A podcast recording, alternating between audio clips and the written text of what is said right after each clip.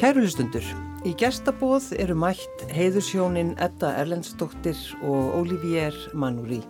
Velkomin í bóðið. Takk. Takk fyrir. Hvar kynntist þið? Í París. Í París.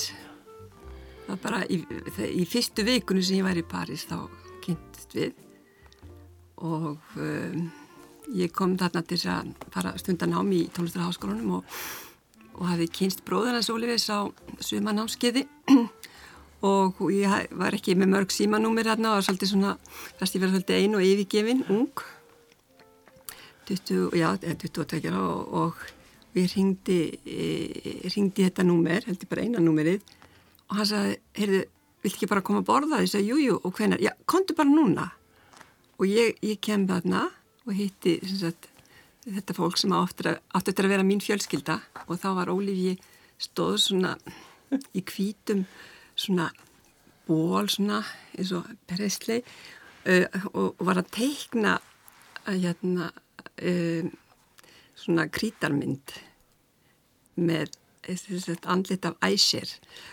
Og já, já, og sem sagt uh, þetta var byrjun Og hvað, fannst þér hann strax sætur? Já, mér finnst það strax myndalur Hvað með þig, Olivier, þegar þú sást Eddu fyrst? Ég myndi, ég myndi segja bara sama sko. Bróður minn var að læra piano með sama kennari en Eddu og uh, mér fannst stelpur svona í piano vera miklu meira stemkilega en, en stelpur í, í, í, í skóla sem hvar ég var sko. Ég fór mjög oft með honum í tónleikar og svona. Ég var ekki tónlistamæður á þessum tíma, sko. Ég var að læra list. Ég var að byrja í École de Beaux-Arts, eh, svona eh, lista, listaskóli í, í Paris, sko. Og svo fyrir bara, byrjum bara að vera saman og, og, og þetta um, átti bara hugminn, akkur komið því ekki bæði í jól til Íslands. Ég var aldrei farin í flugvél á þessum tíma. Það var, í Fræklandi var mjög fáir það var lest út um allt og var geirt, mikið geirt Já. og við komum bara flug með það og fyrir bara fyrsta stundum í flugvél til þess að fara til Íslands. Hafður aldrei farið í flugvél? Nei, aldrei. Og þetta var sko um jólinn, þannig að þeir lendi því líkum visslum og partjum sko og hérna aldrei upplöfuð hann aðeins. Já, og fyrst nóg að borða á Íslandi? Jú, jú, jú. Já. Það var bara gaman, mjög, mjög öruvísi. Ég þekkti nokkra Íslendingar. Mm. Ég, ég þekkti í sama lista, listaskóli var Svava Björnsdóttir, mm -hmm. við varum sama í skóli og ég var líka í háskóli eh, í svona, eh, hvað er litteratúr? Bókmöntum, bókmöntufræði. Og þá eh, kendi ég Viðar Vikingsson sem er eh, kvikmyndamæður. Þá ég, ég þekkti þessi bæði mm -hmm. og og fara, fórum bara í partístanlausi á Íslandi sko. en það er svolítið svona skemmtilegt þetta akkurat þú tekur upp síman og, og ringir og, og hittir fólkið sem verður fjölskyldaðinn Já, já.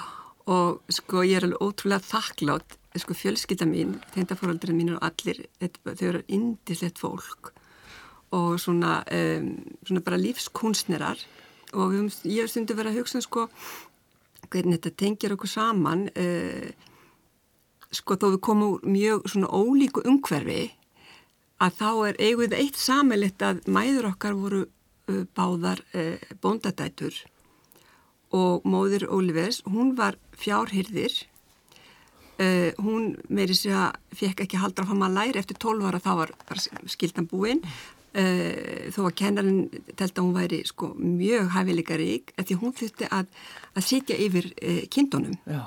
Það var enga gerðingar og, og síðan um, þegar hún gifti svo tengdapappa þá var engi lengur til að sjá um kindutuna hann seldi kindahópin.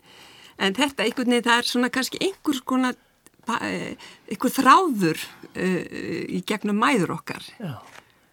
En, en mamma þín? Mamma mín, hún var, uh, hún var fætt í hérna landbróti, í segbúðum í landbróti og, og þetta syndi hérna, veist, bústörrum eins og, eins og allir þessum tíma, bara mm. í fjósunu og með, með kindunum líka. Þannig að það er eiga, það er eiga svolítið svona sipað sjó. Það er náðu mjög vel saman þó þú gæti ekki tala mikið saman því að tengda mamma, hún tala ekki ennsku. En það, það eru samt svona bara mjög góða vinkonur þrátt fyrir tungum, tungumálaður líka. En þetta, svona þínu draumar þegar þú komst til Parísar, hvað var það, hvað, að hverju varst það að stefna? Ég hef alltaf verið mjög hrifin af franskri menningu, bara það einhvern veginn höfðaði til mín og, uh, og ég fór náttúrulega tilviljun í hérna sömanánskið, einmitt það sem kynnti smá í minnum, Uh, það var einmitt uh, vinnu minn sem var í myndlist Haldur Björn Röðalsson sem hafi verið þarna á sumarnánskeiði það var líka kent myndlist. Þetta var í Nýs. Og hann sagði þetta er dásamlegt því það er hérna bara alltaf sól og blíða og ströndin og, og svo maturinn og vínu og svo fínir kennar þannig ég fór á þetta námskeið. Alveg sann síðast og fínir kennarar. Og, það var í Nýs. Já, það var í Nýs og þar hitti ég uh, kennaran sem var minn kennari í tónlistarháskólanum í fimm ár, mm.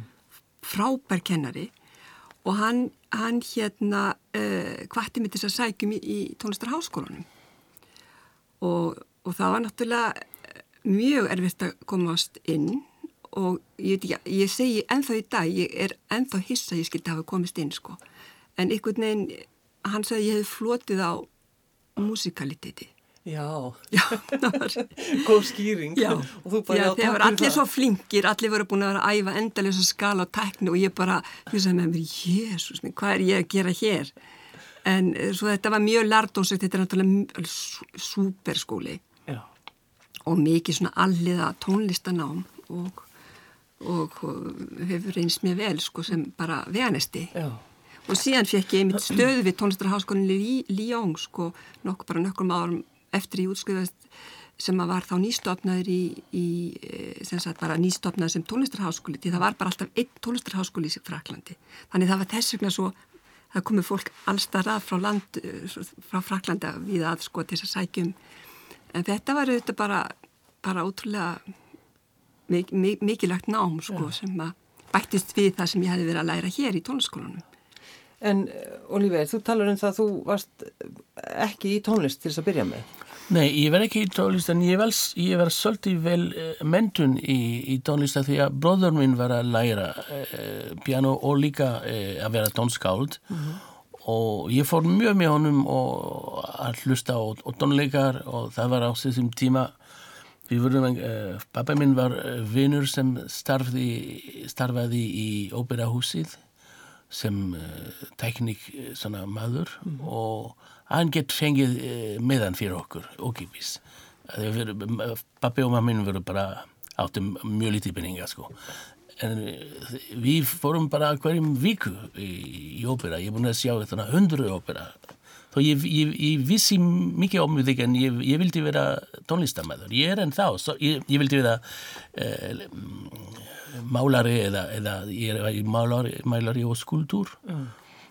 en e, það svo, ég veit ekki það er svolítið, svolítið e, ég, ég, ég, ég þekkti bandonión þessi ljófari sem ég spila e, út af e, ég var búin að heyra það þegar ég var krakki þegar harmoníkuleikarar í Fraglandi spilaði aðeins bandonión fyrir tango Hon spelade harmoniker för sådana valsmuseet och alltså i fransk tonlist. Och så spelade aðeins bandan för tango. En ég alltaf elskaði þetta hljófari. En, en það var bara einhvað einhva í mér sko. Og uh, þetta bara setna sem uh, ég, ég fann þessi hljófari í búð og ég kefti það og, og, og datt alveg í það sko. Mm. Þannig eftir það hefur þú spilað, Já, hvað heitir þetta, bandon? Bandoneón. Bandoneón. Þetta er þískljófari sem er, sem er eh, aðeins minni en harmoníku, þetta er, en, þetta er eh, þísk harmoníku, einhvað svo viss. Þetta er úr harmoníku fjölskyldunni, sem já, sagt. Já, og þetta er ekkit, mest harmoníku hefi, hafa bara um, harmoníu, ready-made í, í, í, í vissröðandi og þessi er eins og organ og, og piano, þetta er einn notur uh, fyrir einn takka sko. Þetta, þetta er svolítið öruvísi í tónlist. En það fór með svona uh, migrants, svona, það fór í Argentínu og, og ég held að í Argentína var uh, þau var að leita einhvað, einhvað vörumerki mm. allir spila gítar en við spilum bandanjón þetta er öruvísi en hinn sko. og það ég byrjaði að bara að spila út úr götu í metro og, ég, og, og, og byrjaði að, að, að hitta svona fólk frá Argentínu. Voru þið þá að byrja saman? Já, já, já. já. Og þegar hann var að spila á, á, í, nýri metro? já. Já, En skemmtilegt. Og það var svo skemmtilegt að það var mjög mikið að flóta fólki sem að, að, að kom frá Argentínu sem var að flýja sko herstjórnina. Já, einmitt. Og, og, og þeir, þeir einmitt, Ólífi komst upp á helsta sviðið Olympia í París, hann var eina nýbyrjar að spila bandónun af því að það var söngvari sem baði hann um að sp- spila með sér. Þetta er svona, já, Olympia er bara svona mítík sko. Og þeir einmitt, heyrði hann spila einmitt í metro og heyrðu bandónun sko, það var náttúrulega nostalgían að heyra ljó, þetta hljóðfæri. Þannig að þið, Edda Erlendsdóttir og Olivier Manuri, þið byrjið strax bara saman þegar leiðu hittist, þannig. Nei, Já, ekki svona. það, ég, ég var að klára háskóla og svo Nú, já, já. fór, ég eh, einn ár í hernum á þessum tíma. Já, þú, þú, þú, þú þurfti náttúrulega að gera það. Já, Já. Og þetta er bara þegar, þegar ég, ég fór út af hernum, ég fór ekki tilbaka til pappa og mamma, ég fór, við, við fórum að bjóða saman, sko. Já. Já. Já, við vorum svona fljótlega eftir að við, við, við hittust á byrjuð að vera saman á þess að búa saman. Já, já, já, já, já. Það var svolítið gaman sko uh, að fá lag núna því þú ert, uh, Olivia, búin að vera að segja okkur frá svo tango tónlist. Það, það kom út diskur fyrir mörgum árum, Le Grand Tango, sem að var, hefur alltaf verið spilað mjög mikið hérna á sætt.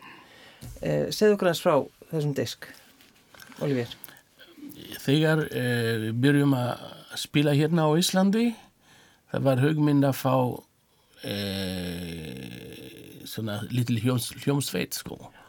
Og við vorum, við byrjum með löggrand og ég minn ekki hvað ár, þetta er mörg ár því þann, sko. Og Ga 94, eitthvað svo leysið. Bryndís alla og, og, og, og um, Auður, og auður uh, voru bara nýkomin í eld frá, frá bandaríkjónum þá við fórum að læra. Og uh, þetta var piano Richard Korn á bassa. Og Helga um, Þórarins og Víóla Helga Þórarins og Víólu. og Greta Guðna á Já.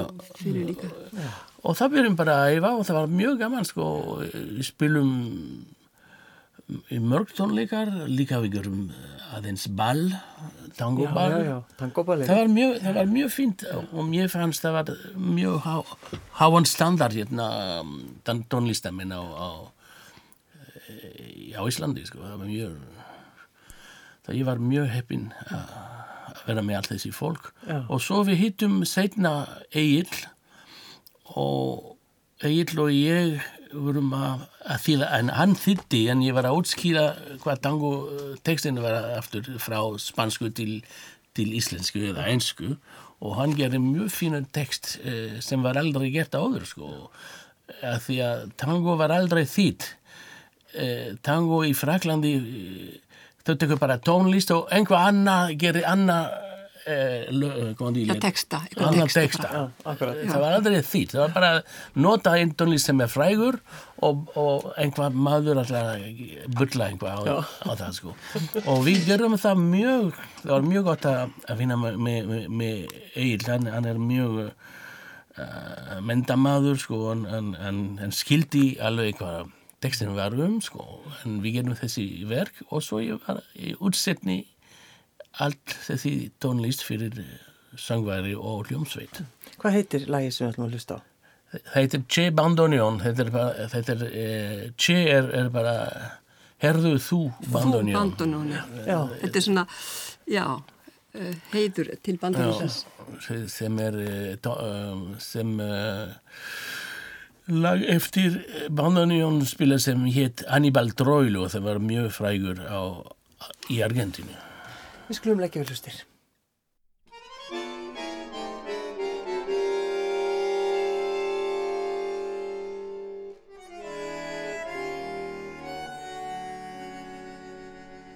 Að heyra óma hljóðinn bandónum Er heilnæmt líkt þú að drekka besta vín Þú örvar blóð með ángur værum tón Og ángist burtu rekur hverja pín Ester litla, fagra Mimi og Nino sem nutu allsins besta sem er til. Þær áttu um það bil, já aðeins eina bón, að við útförð þeirra hljómaði bandónjó. Bandónjó,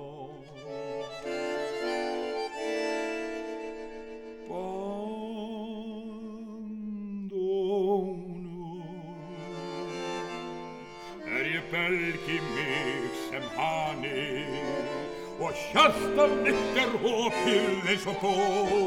Skála, skála, hlæg og engist, dansa tango, missi vitið, missi rænu.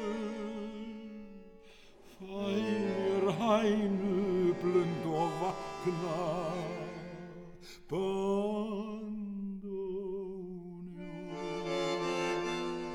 Týndi stúlkuna sem var En nafni hennar hef ég lengur gleym Þarna var hún aftur komin eins og forðum. Nú er komið alveg nóg. Bandónum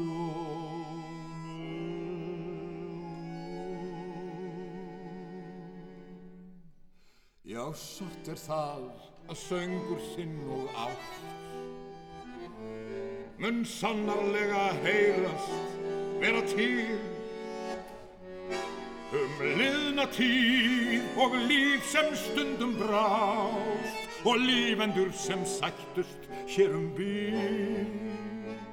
Er ástinn hefur yfirgifið flóð og enginn hugun fæst við þeirra sorg. Þau villast borgur borg og vankast tapa sjón en vitkast er þau heyra bandónjó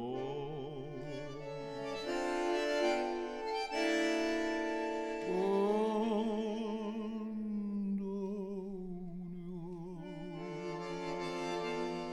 Er ég brjóst mitt sen og hrópa Því hjarta mitt er opið eins og bó.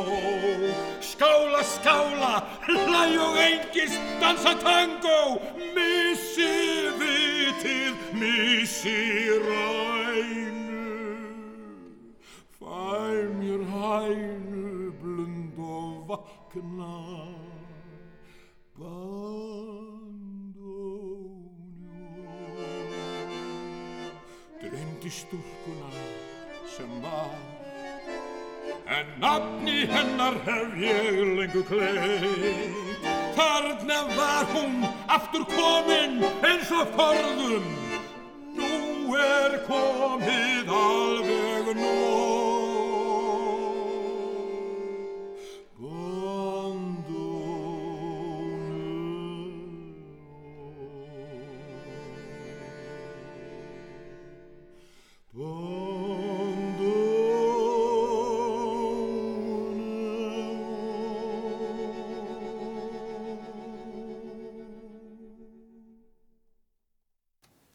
Lugran Tango og Egil Ólafsson þetta er alveg frábært lag Já. langt sín ég hlusta það þetta Og hann er, hann er also frá, frábært frábær. söngvari, sko.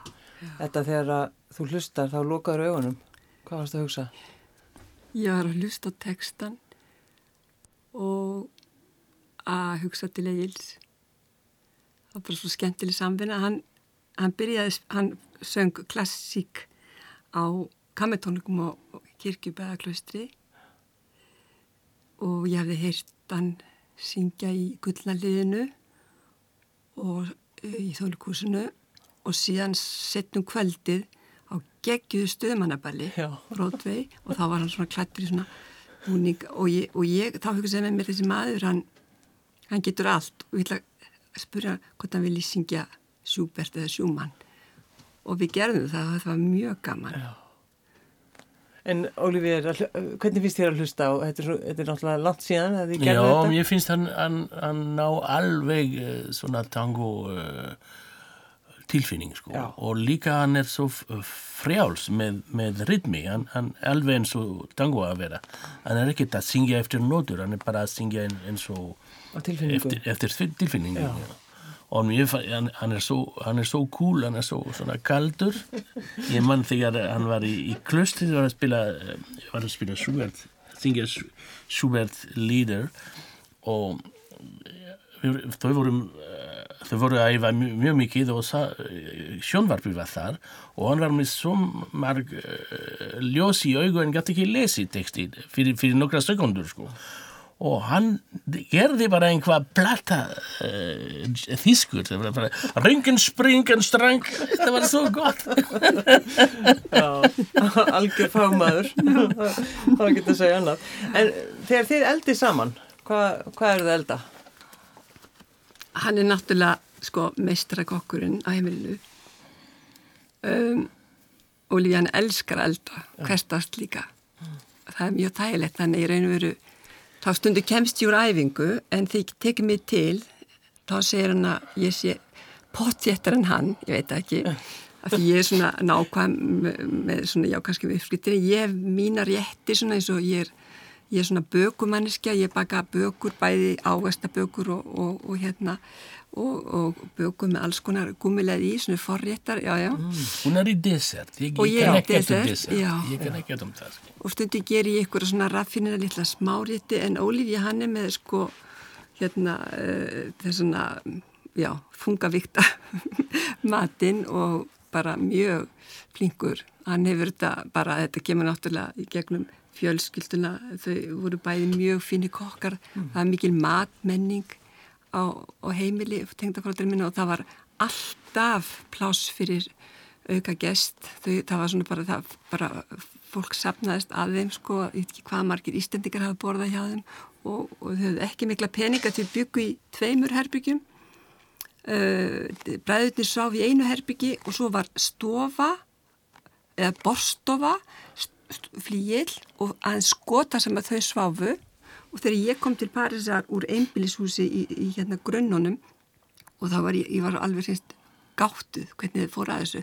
En það, það var svo ótrúlega bara mikil svona gleði og, og, og einhvern veginn þetta gekk allt svo vel upp. Þetta er aldrei e, lærtámsíkt að sjá að maður getur verið mjög hamingi samir með og búið þröngt. Já, já, það er, það er vist alveg ábyggilegt. En Ólífi, hvað er það sem að þú elda mest? Ég, ég er frekar í ítalsk matur sko. ég, ég, ég spilaði ég mikið í, á Ítalju og, og ég fer alltaf að, að í heldhús og, og spurja hvernig þú ger það? Hvernig er þetta læra svona. Ég læri mikið á Ítalju og líka með, með vinnir minni sko þegar ég fer þarna að spila ég er með vinnir sem á stundum fyrir bara víkuð til að æfa og ég verði hjá þeim sko og ég er alltaf að læra með þeim sko. Mér finnst ítalsmatur bara ganski best í heiminn en eh, það var ekki hægt eh, nema á Ítali í gömlum tíma því að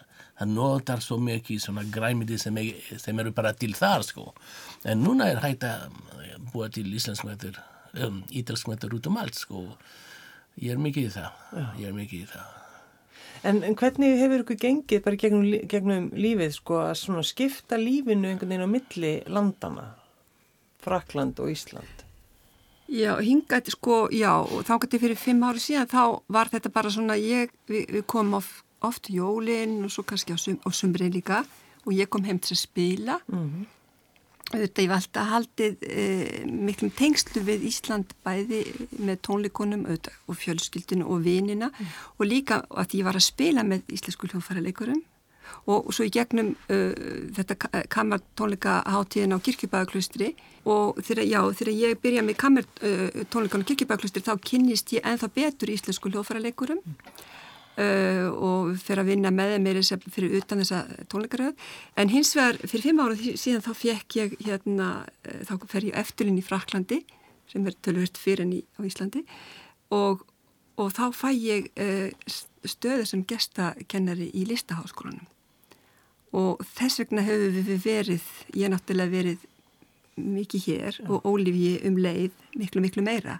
Og hefur líka fengið með því að vera á stanu þá hefur hann líka fengið meiri tækifæri til að spila hérna þannig að ég myndi segja það eins og, eins og þetta er núna þá er þetta svona draumastaðan og ég tala nú ekki um í þessu ástandi. Ég var hérna í nýju mánu síðast ári og þú varst eiginlega, ég var fyrir sex Fimm mánuði? Ég fimm mánu.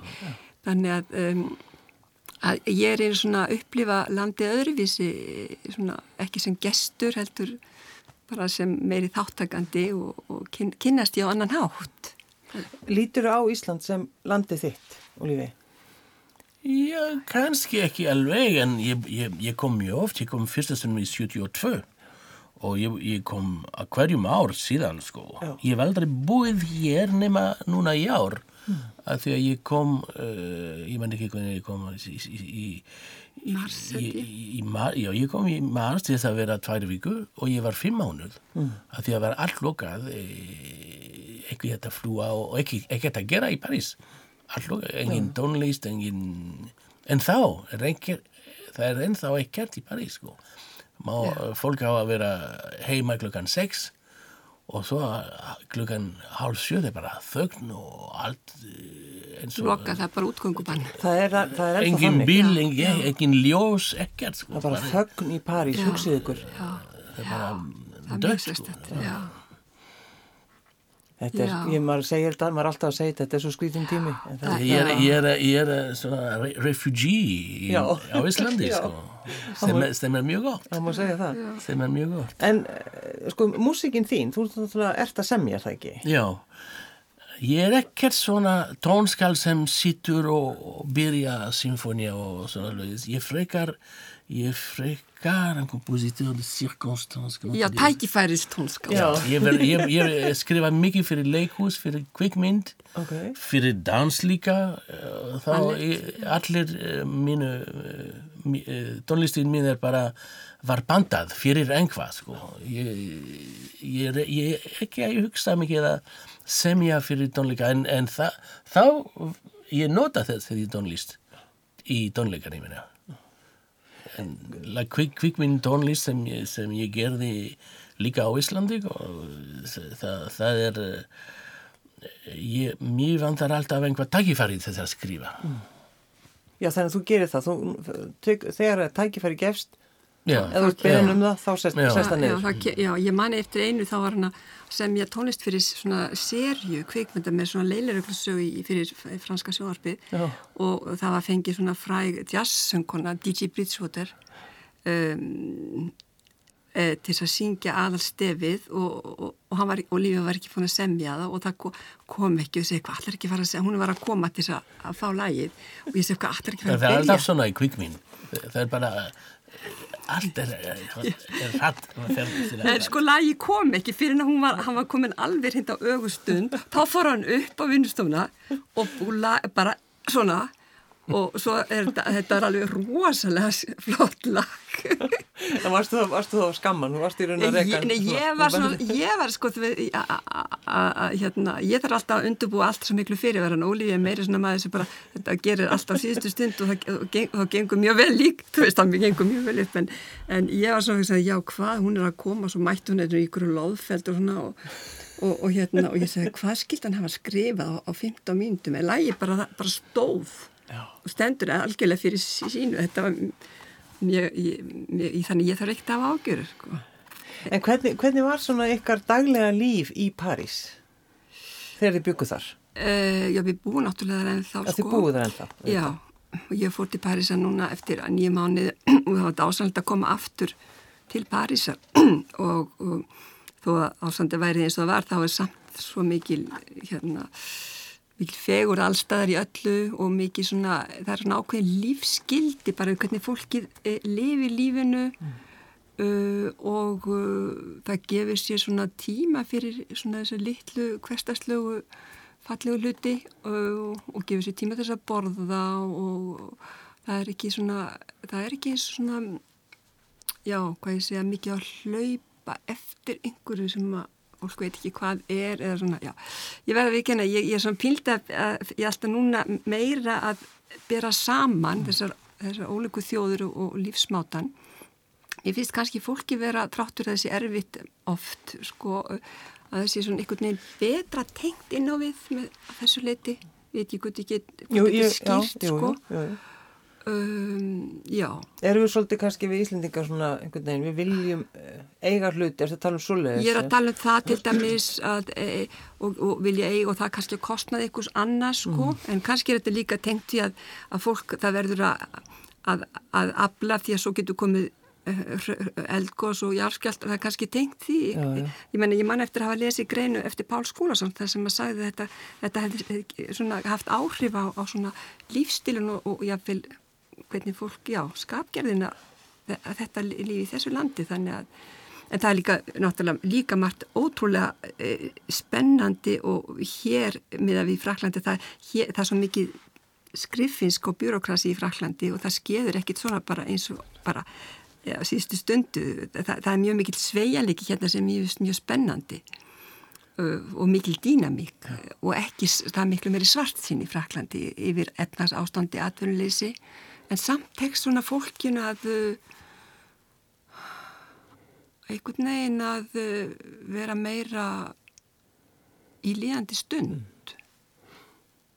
Það er nú svolítið sem við einhvern veginn erum alltaf að reyna að gera Íslendingar, en einhvern veginn okkur tekst það ekki alveg nú, mikið. Men mér finnst gott, eh, þegar ég kom til Ísland, ég kem til Ísland, stundum það er engin plan og ég, ég ringi vinir, til dæmis eh, Tommy Einarsson, bassalegari, við, við erum búin að spila mjög mikið saman. Og, og ertu hér, er hann ekki að fara að spila? Jú, hann ringir bara nokkra staðin og segir, ok, eftir, eftir svona tvær viku og eina viku er tónleika. Sko. Í Fraklandi er það hvað sem líka í bar er bara búin að panta fyrir þrjú mánuð, fimm mánuð. Sko. Mjög, mjög gott, mér finnst mjög skemmtilegt að vera svona. Vildur strax læra íslensku þegar þú varst búin að kynast henni ettu þinni? Fórstu strax í að læra íslenskuna? Já, ég, ég lærði ekki, ekki, ekki mjög að því að við, við, við tölum ennsku ein ár og þó tölum frönsku eftir það þegar hún var búin að ná sér í, í frönsku en uh, þá lærði ég þegar við um á uh, barnin okkar sko. Já. Því að hún talaði alltaf, alltaf íslensku íslensku, með hann og ég vildi vera með. Já, þú vildur ekki vera Já. skilin út undan. Um hvað eru þið að tala? Þannig að þetta, þú varst alveg ákveðin í því að, að drengurinn ykkar undir læra Já, íslensku ég tala, það var mér bara uh, algjörlega eðlilegt og, og ég man ég las ykkur svona eh, bók um hvernig, hvernig elur upp barnið þitt. Já. þetta er Pernaud. Já. og það stóð skýrt í þessu, það var eitt kapil það stóð skýrt að uh, konur, mæður af erlendum uppruna eiga alls ekki að tala sitt tungumál þegar að tala frönsku. Og ég sagði með mér, ok, þetta er ekki fyrir mig.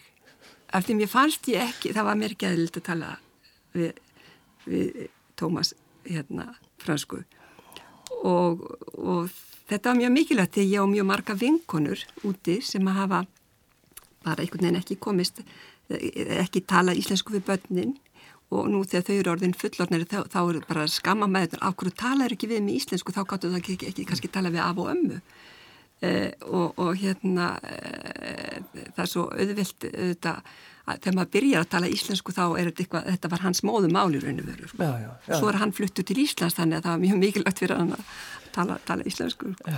Við ætlum að fá uh, meiri tónlist uh, Schubert já, Þetta er eitthvað, þetta er nýtt, er það ekki sem er þú ert að já, já, já ég, þetta er disku sem að uh, kom út bara rétt fyrir jólin og uh, segja að maðurinn minn á mjög stóran hlut í þessum diski því að hann eins og með marga, hann hefur tekið upp fjóra mínum átta diskum þetta litla svona, hvað ég segja, safni mitt undir mínu, mínu nafni. Uh, minnsta flötu fyrirtæki kannski heimi, ég veit ekki. Uh, og við tókum þetta upp í janúri fyrra og ég var búin að ganga með þessa hugmynd mjög lengi. Af því ég fundi ykkur að skissu bara frá mörgum hann síðan sko. Og akkurat þessa sónutu, ég var eiginlega hissi, ég var búin að gleyma því sko, ég, en ég var samt að gera eitthvað annað eins og þetta með, hætin diski með symfóníunni svo gerði ég disk með Sjönberg og Berg og Sjúberg svona. Og svo, þess, svo loksins einhvern veginn hafði ég tíma til þess að vinna, vinna allavega ég þarf að langan tíma til þess að vinna diskana og svona Þetta er ekki eins og Ólífið sem hleypur upp á, upp á, upp Nei. á loft til þess að klára Nei, að hann, semja. hann er meira spontant sko. og, og eh, sem sagt uh, Ólífi tók upp og ég leitt gera upp Stanley flíli minn og þetta er ekki fyrsti diskurinn sem við tókum upp við tókum diskin með Bryndisöllu sem við gerum saman í, í hérna heima hjá mér mm. og Tchaikovsky og já, svo annan disk sem við tókum á Íslandi. Og Ólífja hann, hann gerir alla vinnuna, klippa og, og, og, og grafíkina og þannig að reynur, hann gerir eiginlega allt nema að ég spila sko. Og það, það er eina sem hann gerir ekki. Já, það er eina tilbúið blata sko. já, já, já. Og hvað er það sem við ætlum að hlusta á? Já, það er hægi kaplin úr sónutin í Astur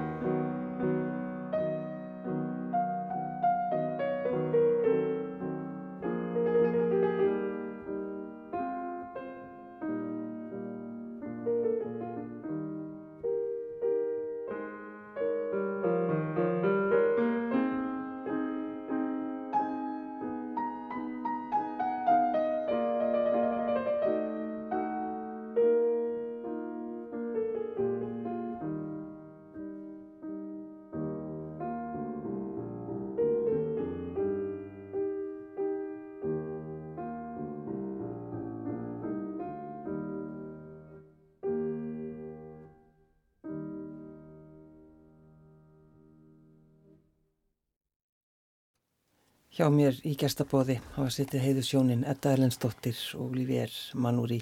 Eh, þú sagði við mig Edda, þú hlustar eiginlega ekkert á diskana þína.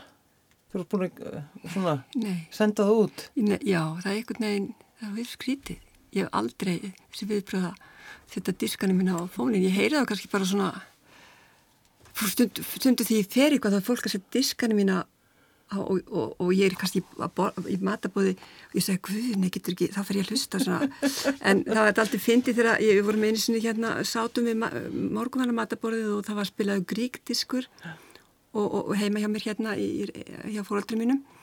Og pappi saði mm, já þetta er þú, ég sagði, nei, nefnilega ég spil ekki svona fína trillur og svo var það ég, þú veist, ég fæ alveg þetta er þessi komið þannig, ég hlusta eins og þetta sé ykkur einhver annu mannskja já. Já. já, líka þegar gerum, tökum við blada þá er þetta nokkra daga kannski viku og svo kannski viku eða tvær viku að klippa já. og við heyrum það svo mikið það er bara láta, láta þátna aðeins.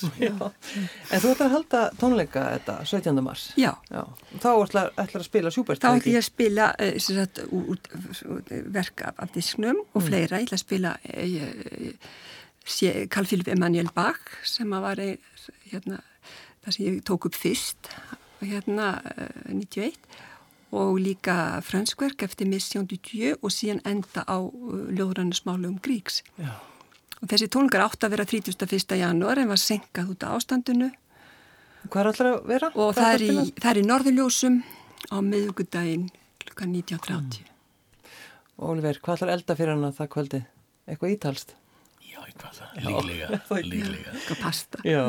Ég ætla að hleypa ykkur út í daginn. Eh, Lokalæð. Já, það, var, það er hérna uh, sem sagt uh, hraði kapli úr litlu koncertíni eftir hætin. Þetta er ennstóttir með symfóni með symfóni Ljófst Íslands já, og Kurt Kópiski sem stjórnaði Heldum þessu til að haga. Þetta er ennstóttir og Ólífer Manúri, takk fyrir að koma. Já, Takk, kærlega fyrir